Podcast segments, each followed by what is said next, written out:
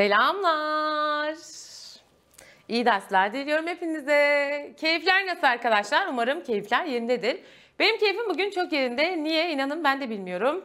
Ya da belki de videolar azalıyor ya artık bitiyor. Ondan bir keyifli hallere düştüm diyelim. Sizler için de umarım öyledir. Bendeki keyif bugün size geçsin diyorum. Üf, buradan size keyifleri yolluyorum. Tamam mı? Şimdi idare hukukuyla devam ediyoruz. Dördüncü dersimizdeyiz. İkinci ve üçüncü derste hatta idareye başlarken dedim ya bir tablo göreceğiz ki idarenin can damarıdır o tablo. İdarenin iskeletidir o tablo.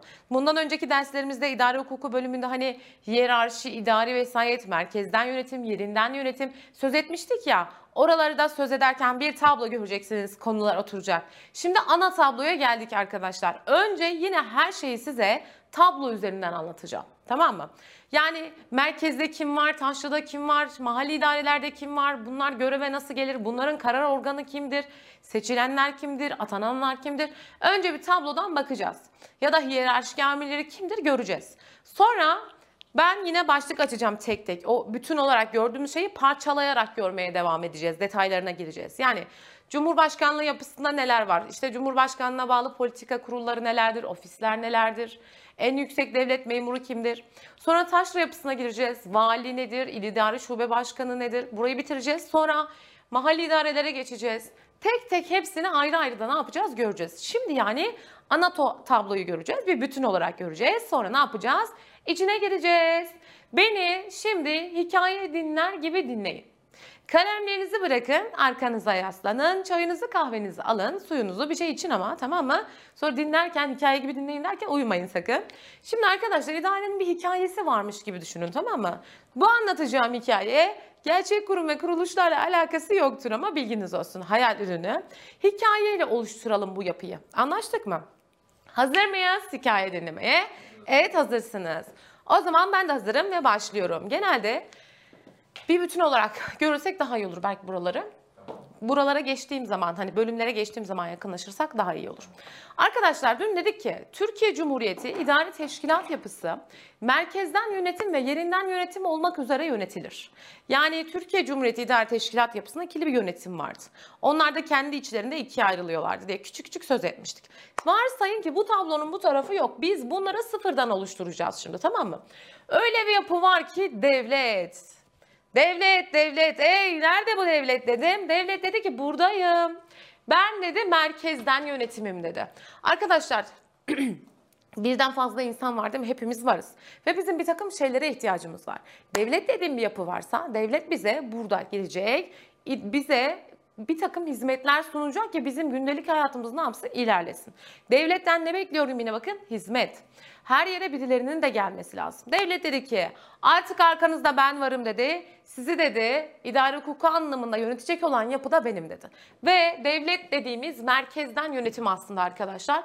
Merkezden yönetimler var oldu. Niye? Amacı ne? temelde kamuya hizmet sunmak, amacı kamu yararı, kamu hizmetlerinin karşılanması gibi unsurlar karşımıza çıkıyor.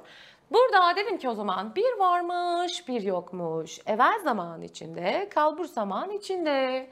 Merkezden yönetim dediğimiz bir yapı varmış. Devletin ta kendisiymiş aslında bu yapı.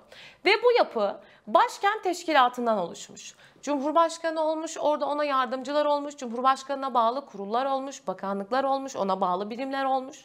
Sonra hizmetler buradan çıkmaya başlamış tamam mı?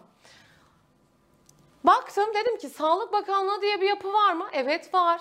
Cumhurbaşkanı Yardımcısı diye bir yapı var ve bunlar hizmet sunuyor mu? Sunuyor.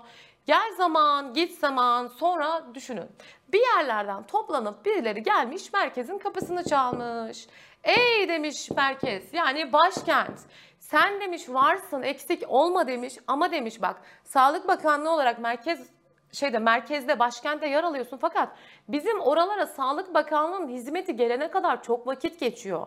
Bu hizmetler gelene kadar çok büyük sıkıntılar yaşarız biz demişler. Sonra başkent düşünmüş taşınmış ve demiş ki ya adamlar doğru söylüyor biz bir bünyedeyiz. Başkent diye bir yapı var. Bakanlıklar orada toplanmış, Cumhurbaşkanı orada toplanmış.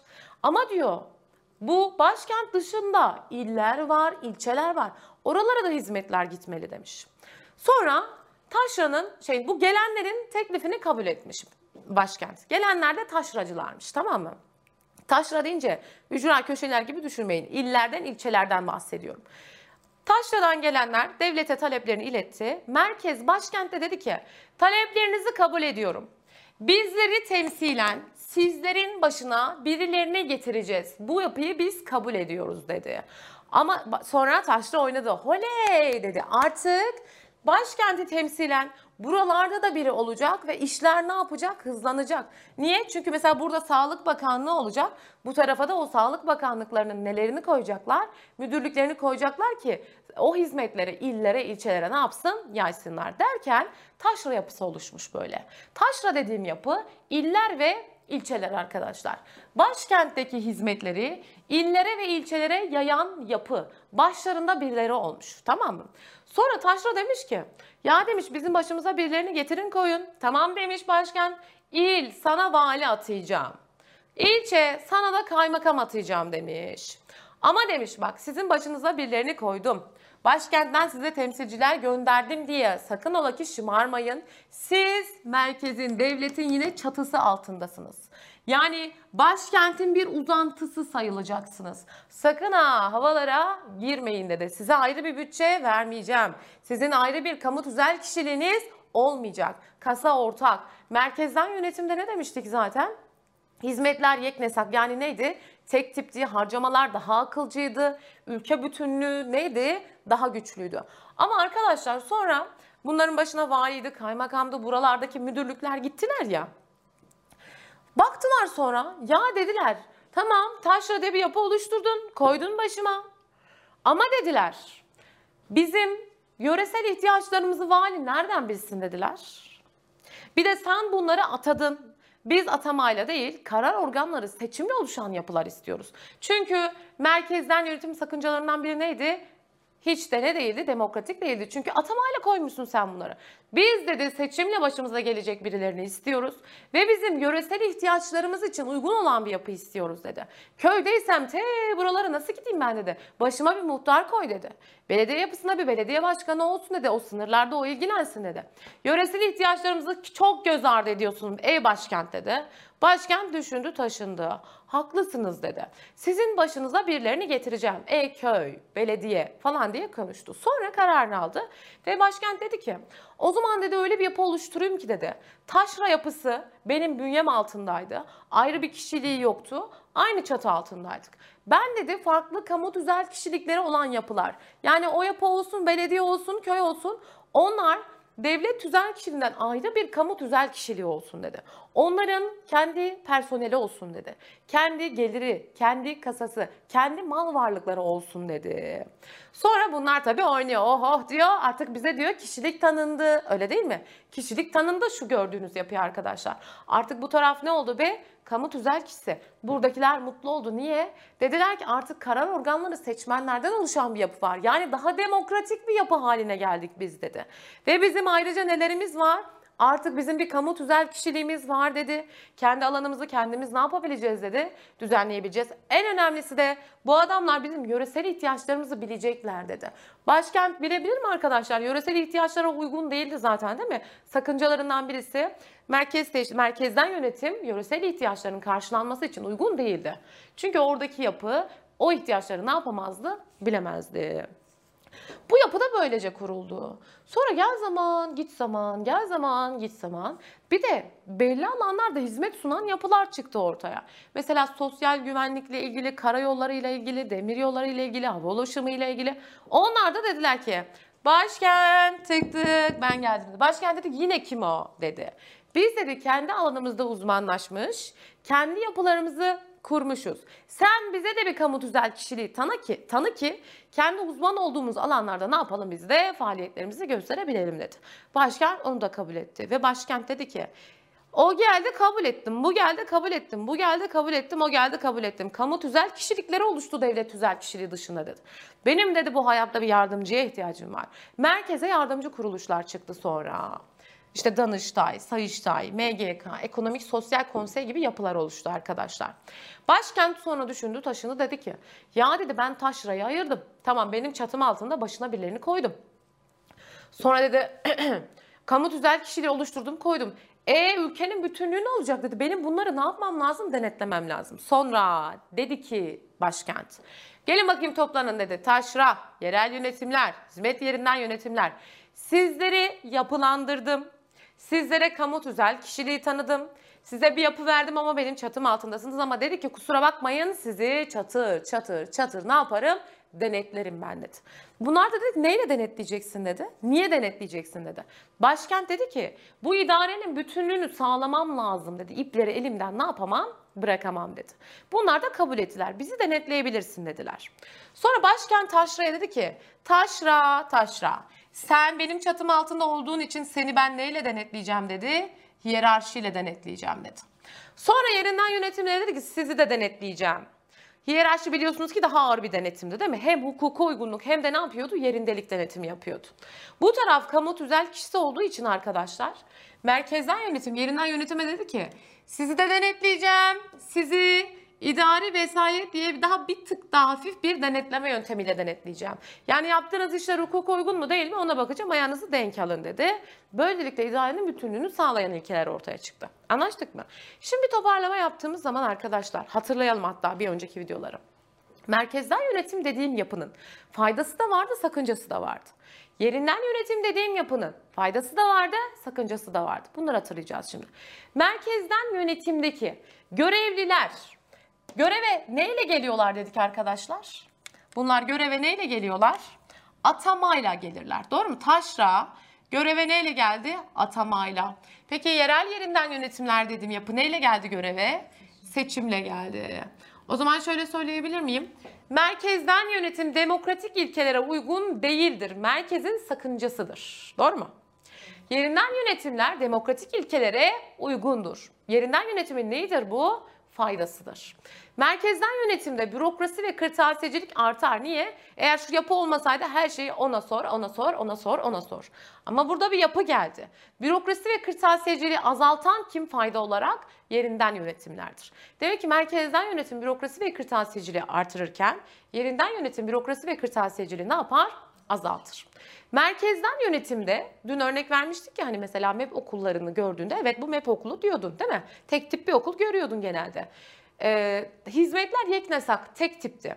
Bu bir faydaydı tek tip olması. Ama yerel yerinden yönetim yapısına baktığımda hizmetler yeknesak değildi arkadaşlar. Tek tip değildi. Her belediyede farklı farklı ne yapabiliyorduk biz? Hizmet görebiliyorduk tamam mı? Peki kasa bir tane mi olursa harcamalar daha akılcı, daha planlı oluyordu? Evet. O zaman merkezden yönetimde harcamalar daha rasyoneldir. Mali denetimleri kolaydır. Yerinden yönetimlerde harcamalar rasyonel değildir. Mali denetimleri nedir? Güçtür. Demiştim ya paraların birini halının altına atıyordunuz, birini yastığın altına, birini döşeğin altına, birini mendile sarıp buna koyuyordunuz falan. Bu yapıdan söz ediyor tamam mı? Merkezden yönetim güçlü bir devlet yönetimi sağlar. Ülke bütünlüğünü korurken yerinden yönetimlerde ülke bütünlüğü bölünmesi tehlikesi ne yapabiliyordu ortaya? Çıkabiliyordu. Tamam mı? Bunu da böylelikle bir kere ne yaptık? Tekrar etmiş olduk. Şimdi Başkent bu yapıları oluşturdu ama şu yapıya ne dedi? Ey dedi sen ne kişisi sayılırsın dedi. Burası neydi arkadaşlar? Ne diyebilirim ben bunun için şu yapıya? Burası bir devlet tüzel kişiliği. Tamam mı? DTK dediğim yapı. Bu tarafa ne tanıdı peki? Bu tarafa biz ne dedik arkadaşlar? Geldik bunlara ne dedi? Siz de nesiniz dedi? Siz de ayrı bir neye sahipsiniz dedi? Kamu tüzel kişiliğine sahipsiniz dedi. O zaman arkadaşlar şunu söyleyebilir miyim şimdi ben? Bu tarafta devlet tüzel kişiliği var. Bu tarafta ayrı bir ne dedik? Kamu tüzel kişisi dedik. Doğru mu? O zaman hemen şunu da yazalım. Taşra'da ayrı bir kamu tüzel kişiliği var mıdır? Taşra'da ayrı bir kamu tüzel kişiliği yoktur arkadaşlar. Devletin çatısı altındadır çünkü. Tamam mı? E o zaman kamu tüzel kişiliği yoksa il ve ilçe yönetmelik çıkarabilir mi? Hayır, bunlar yönetmelik ne yapamazlar? Çıkaramazlar. Peki başkent bunları neyle denetleyecekti? Hiyerarşiyle. Hiyerarşi. O zaman size soru. Başkent teşkilatın taşra teşkilat üzerindeki denetleme aracı nedir derse cevabım ne oldu benim? Hiyerarşi oldu. Tamam. Başkentin taşra üzerindeki denetleme aracı hiyerarşidir. Peki arkadaşlar şunu söyleyeyim size. Aynı tüzel kişilik içinde bir denetim varsa aynı tüzel kişilik içerisinde Yani baktığımda şimdi bak mesela vali, kaymakam. Aynı tüzel kişilik içinde değil mi? Evet. Ya da rektör dekan. Üniversite bir kamu tüzel kişiliğiydi. Rektör dekan aynı kamu tüzel kişiliği içinde olduğu için ne var yine aralarında? Hiyerarşi ilişkisi yani ast üst ilişkisi vardır. Peki şu tarafa geliyorum. Bu tarafın ayrı bir kamu tüzel kişiliği var mı? Evet, kamu tüzel kişilikleri vardır. Kamu tüzel kişiliği olan yapı ne çıkarabiliyordu? Yönetmelik. O zaman bu taraf ne çıkarabilir? Yönetmelik çıkarabilir arkadaşlar. Peki merkezin ne hangi denetime tabiydi? İdari vesayet denetimine tabi olduğunu söylemiştik zaten. Anlaştık mı? O zaman yine bir hatırlama yapalım hiyerarşi ve vesayete ilişkin. Vali ile kaymakam arasındaki ilişki ne ilişkisidir? Vali burada, kaymakam burada. Ne ilişkisi var arasında? Ast üst ilişkisi yani ne vardır? Hiyerarşi vardır. Peki kaymakam ilçe milli eğitim müdürü desem ne dersiniz? Arkadaşlar ilk şunu vereyim öyle geçelim isterseniz. Ya da yok önce bunu söyleyelim. Şu gördüğünüz il idare şube başkanı, il idare kurulu İlçe idare şube başkanı, ilçe idare kurulu yapıları var. Bunlar kim acaba? Bunlar ne işe yarıyor? Bak şimdi başkent bunları niye temsil etsin beni diye. Başkentteki hizmetler illere ve ilçelere yayılsın diye kurduğu yapı neydi? Taşra yapısıydı baktığınızda. İşte bu gördüğünüz şube başkanı ve idare kurulları yapıları başkentteki bakanlıkların il ve ilçelerdeki temsilcileridir. Mesela Sağlık Bakanlığı başkentteyken işte İstanbul İl Sağlık Bakanlığı Müdürlüğü burası. İstanbul Beykoz İlçe Sağlık Bakanlığı Müdürlüğü gibi düşünün. Yani şunlar başkentteki bakanlıkların illerdeki ve ilçelerdeki temsilcileridir. Peki şimdi bana şunu söyleyin o zaman. Kaymakamla ilçe milli eğitim müdürü arasındaki ilişki nedir? İlçe milli eğitim müdürü kaymakamın altında değil mi? Değil mi? İlçe kapsamında. O zaman yine ne? Ast üst ilişkisi yok mu? Kaymakam ilçe milli eğitim müdürü arasında ne ilişkisi vardır? Hiyerarşi ilişkisi vardır. Sağlık Bakanlığı dedim. İşte Konya İl Sağlık Bakanlığı Müdürlüğü dedim. Ne var aralarında yine? Hiyerarşi ilişkisi var. Niye yine? Çünkü aynı halka içinde bir ast üst ilişkisi vardır tamam mı? Peki geliyorum şimdi bu tarafa. Kaymakamın köy muhtarını denetlemesi, kaymakamın köy muhtarını denetlemesi. Buradan biri bu taraftan birini denetliyorsa neydi? Onun adı idari vesayetti arkadaşlar tamam mı? Peki İkisi de kamu tüzel kişisi ise bak şuraya baktığınızda mesela diyor ki üniversite bir kamu tüzel kişisidir. YÖK de bir kamu tüzel kişisidir. O zaman YÖK ile üniversite arasında ne ilişkisi vardı? İdari vesayet ilişkisi vardı. Üniversite ile fakülte arasında ne vardı? Fakülte üniversitenin altında ast ilişkisi var. Üniversite fakülte neydi? O hiyerarşiydi. Ama YÖK ve üniversite o idari vesayet. Peki diyorum ki Adalet Bakanlığı ile Türkiye Barolar Birliği arasındaki ilişki. Adalet Bakanlığı nerede? Bakanlık burada. Türkiye Barolar Birliği nerede? Bak barolar birlikler buradalar. O zaman buradan bir halka, bu tarafta bir halkayı denetlediğine göre ne oluyor cevabımız? İdari vesayet oluyor. Peki Türkiye Barolar Birliği ile Samsun Barosu. Barolar Birliği de bir kamu tüzelçisiydi. Samsun Barosu da bir kamu tüzelçisiydi. Aralarındaki ilişki ne ilişkisi oluyordu? İdari vesayet ilişkisi oluyordu tamam mı? Böylelikle bir önceki derstekileri de tekrar etmiş olduk arkadaşlar. Şimdi tablo üzerinden yine genel bir çalışmayla devam edeceğiz. Belki bu kez aldığım yerlerde yakına girebiliriz. Yapı nasıl oluştu hepimiz gördük. Hikayesini ne yaptık dinledik. Böyle böyle yönetmişler demek ki. Bir çaya hak ettim hikayeyi anlatınca değil mi? Bu ne çayı Zeynep? Ha ıhlamur. Kış mevsimlerinde. Şimdi millet diyecek içince anlayamadım acaba ne olduğunu. Bitki çaylarını karıştırıyorum ayırt edemem ben. İnşallah mikrofondan höpürdetme sesi çıkmıyordur. Çıkıyorsa da özür dilerim. Çıkıyor mu belki? Höpür höpür. Ay ne kötü olur değil mi? Beni dinlemekten falan vazgeçersiniz artık ya. Hiç hoşlanmam. Dur bakayım. Öbür öbür çay içenden hiç hoşlanmam. Bir de böyle sakız çiğnerler ya cak cak cak. Ay çıldırırım çıldırırım vallahi çıldırırım. Ayaz şimdi sakız çiğnemeyi çok seviyor. Bir çiğniyor Allah'ım cak cak cak cak cak cak cak cak. Hem de 2-3 taneden azaltmıyor ağzına yani. Çıkar anneciğim ağzını kapat diyorum Şerife. Yapıyor gene başlıyor. Aşkım yavrum. Evet şimdi devam ediyoruz. Merkezden yönetimde ne vardı arkadaşlar? Başkent Teşkilatı ve Taşra Teşkilatı. Başkent Teşkilatı dediğim yapı hizmetlerin neydi? Çıkış noktasıydı, ana noktasıydı. Başkent Teşkilatı'nda biz kimleri göreceğiz biraz sonra? Cumhurbaşkanı, Cumhurbaşkanı yardımcıları, Cumhurbaşkanına bağlı kurullar, ofislerden söz edeceğiz. Bir de ne vardır başkentte? bakanlıklar vardır arkadaşlar. Tamam mı? Peki şöyle bir soru sorsam size. Merkezdeki en üst hiyerarşik amir kimdir desem? Merkezdeki en üst hiyerarşik amir tabii ki kimdir?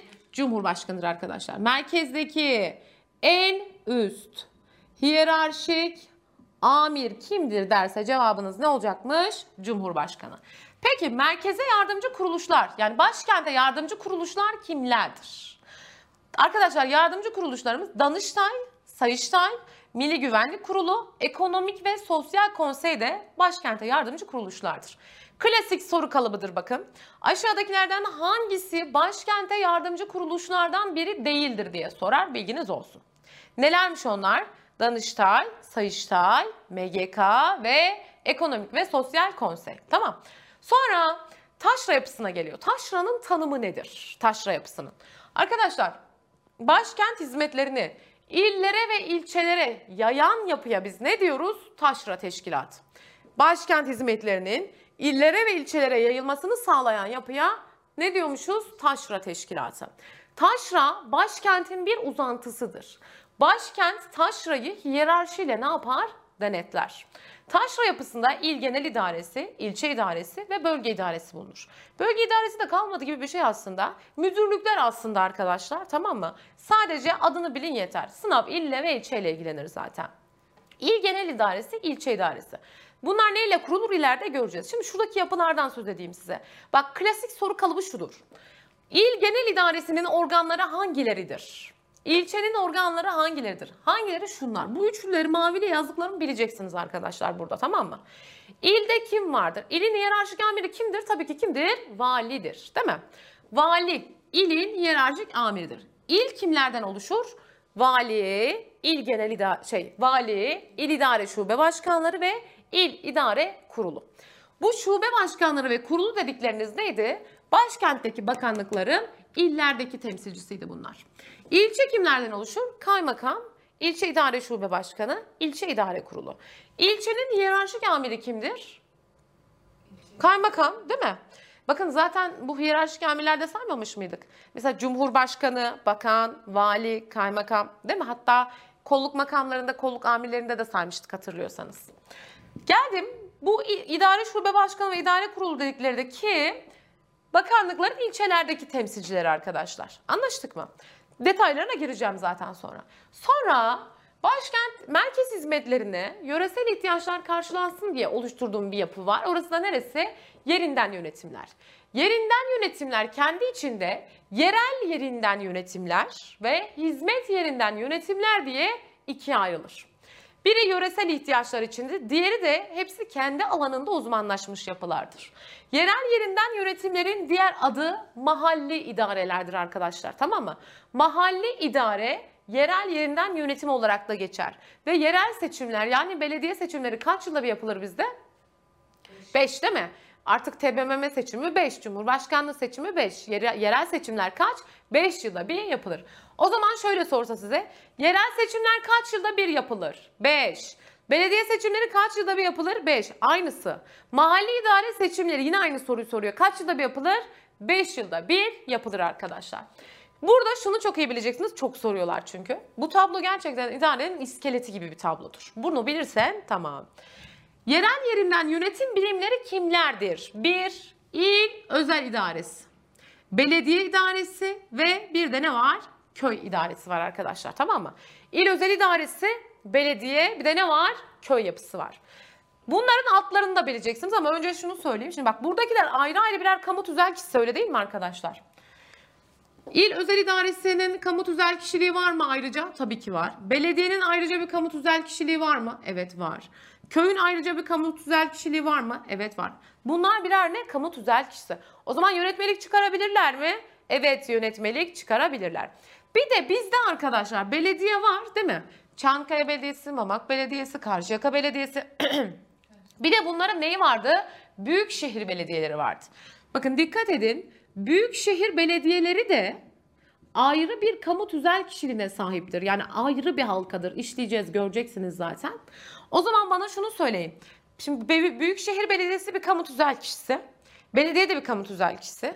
Ankara Büyükşehir Belediyesi ile Çankaya Büyük Çankaya'nın büyüğü yok. Ankara Büyükşehir Belediyesi ile Çankaya Belediyesi arasındaki ilişki hiyerarşi mi idari vesayet mi? İkisi de ayrı ayrı kamu tüzel kişiler olduklarına göre idari vesayet ilişkisi vardır tamam mı? Belediye ayrı bir kamu tüzel kişisi, Büyükşehir Belediyesi ayrı bir kamu tüzel kişisi. Mesela belediye için nüfusun 5000 olması gerekir. Büyükşehir için 750 bin gibi sayılardan söz edeceğiz biraz sonra. Burada bu üçlüyü bileceksiniz dedim. Yerel yerinden yönetim birimleri kimlermiş? İl Özel İdaresi, Belediye İdaresi ve bir de ne var? Köy var. Büyük şehirde koyabilir. Farklı aynı yapı zaten tamam mı? Büyük şehirde görürseniz şaşırmayın. Arkadaşlar buradaki şu maviyle yazdığım üçlüleri de bileceksiniz. Şu bir sınav sorusuydu mesela. Aşağıdakilerden hangisi belediye yapısının organlarıdır diye sormuştu. Şıklarda üçünü de vermişti. Belediyenin organları kimlerdir diye sordu bakın. Yani bu üçlüleri bileceksiniz. İl özel idaresi dediğim yapıda kimler var? Vali, il genel meclisi ve il encümeni ya da il daimi encümeni dediğim yapı vardır. Peki hocam bunlar ne yapıyor? Yani il genel meclisi ne yapıyor? İl encümeni ne yapıyor? Belediye meclisi ne yapıyor? Belediye encümeni ne yapıyor? Detaylarına bakacağız zaten. Çünkü e, şöyle bir soru geliyor. Belediye idaresinin karar organı kimdir diye de sorabiliyor. Karar organı diyorsa meclisleri alacaksınız. Tamam mı? Belediyede kim var peki? Belediye başkanı, belediye meclisi, belediye encümeni. Köyde kim var? Muhtar, ihtiyar heyeti, köy derneği dediğimiz yapılar var. Burada söyleyeyim yine göreceğiz zaten. Arkadaşlar bir yapının en üst karar organını sorarsa size eğer o, onun adı nedir? Oranın meclisidir tamam mı? O zaman belediye idaresinin en üst karar organı kimdir diye sorarsa cevap ne? Belediye meclisi. Belediyenin ikinci derece karar ve genelde danışma organı olarak geçer. Danışma organı diye sorarsa encümen detone olmaya başladım. Encümen alıyorsunuz tamam mı? Detayları anlatacağım yine. Peki şöyle bir soru sorsam size. Belediye idaresinin yürütme organı kimdir? Organ deyince kimse belediye başkanına gitmiyor. Diğerlerine gidiyor bakın. Dikkat edin. Belediyenin yürütme organı ve temsilcisi belediye başkanıdır. O zaman belediyedeki hiyerarşik amir kimdir yine? Belediye başkanıdır. Köydeki hiyerarşik amir kimdir? Baktığında muhtar değil mi? Köyü muhtarıdır arkadaşlar gibi. Detaylarını göreceğiz söylediğim gibi. Bunlar da böyle oluştular.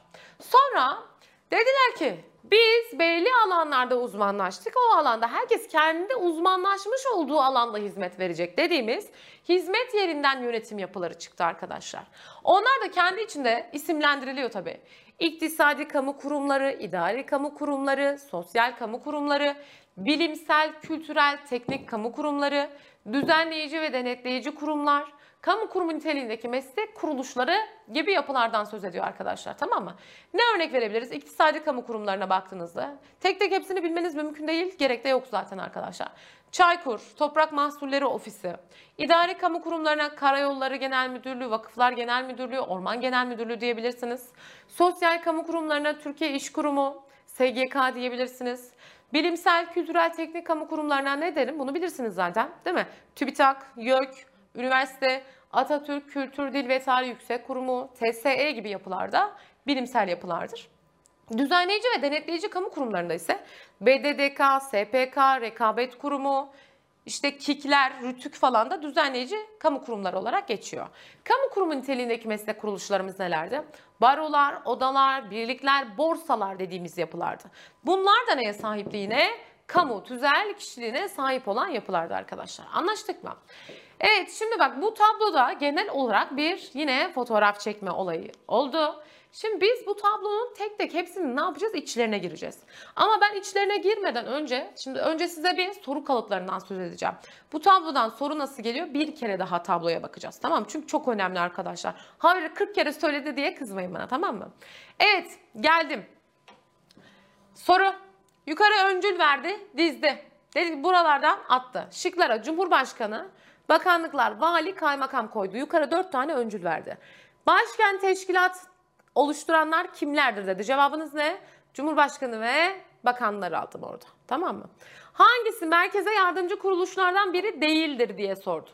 Danıştay, Sayıştay, Yargıtay, Ekonomik ve Sosyal Konsey, MGK. Cevap ne? Yargıtay. Bak burada Yargıtay yok arkadaşlar dikkat edin.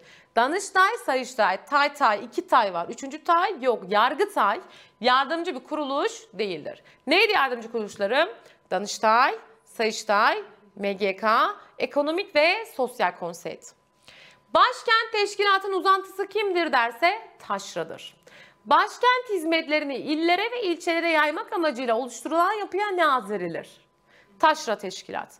Taşra Teşkilatı kimlerden oluşur? İl ve ilçe. Bir de ne var? Bölge idaresi var. İl Genel İdaresi'nin organları kimlerdir? Vali, İl İdare Şube Başkanı, İl İdare Kurulu. İlçe idaresinin de organları kimlerdir? Kaymakam, ilçe idare şube başkanları, ilçe idare kurulu. E, İldeki hiyerarşik amir kimdir? Vali. İlçedeki hiyerarşik amir kimdir? Kaymakam. Vali ve kaymakam göreve nasıl gelir? Atamayla gelir. Nasıl bir atamayla gelir? Göreceğiz zaten. Tamam? Yani seçimle gelmez diyoruz. Taşra teşkilatındaki şu il ve ilçe yapısının kamu tüzel kişiliği var mıdır ayrı? Hayır, yoktur arkadaşlar. O yüzden iller ve ilçeler ne çıkaramazlar? Yönetmelik çıkaramazlar. Merkez hizmetlerinin Göresel ihtiyaçlara uygun olarak demokratik bir şekilde yürütülmesi için oluşturulan yapıya ne diyorum? Yerinden yönetimler. Mahalli idare birimleri nelerdir? İl özel idaresi, belediye idaresi, büyükşehir belediye yapısı ve köy yapıları dedik değil mi? İl özel idaresinin organları nelerdir? Vali, il genel meclisi, il encümeni. Belediye idaresinin organları nelerdir derse? Belediye başkanı, belediye meclisi, belediye encümeni. Köyün organları muhtar, ihtiyar heyeti, köy derneği dediğim yapı. Köydeki hiyerarşik amir kimdir? Muhtar. Peki köydeki e, kolluk personeli kimdi hatırlıyor musunuz? Köy neleriydi? Köy korucularıydı hatırlıyorsanız tamam mı? Peki devam ediyorum. Belediye idaresinin en üst karar organı kimdir? Belediye meclisi. Belediye idaresinin danışma organı kimdir? Belediye encümeni. Belediye idaresinin yürütme ve karar yürütme organı kimdir derse, yürütme organı ve temsilcisi belediye başkanı dedik. Tamam mı? Bu üçlü mavili ve şu özellikle yıldızlı yapılara ne yapıyorsunuz? Dikkat ediyorsunuz arkadaşlar. Umarım anlaşılmıştır bu tablomuz. Şimdi tek tek Cumhurbaşkanı diyeceğiz. Yani daha doğrusu başkent teşkilatı diyeceğiz. Başkentte kimler var? Taşra'da kimler var? Vali göreve nasıl gelir? Kaymakam göreve nasıl gelir? Nasıl gider? Bunlara bakacağız. O zaman bay bay.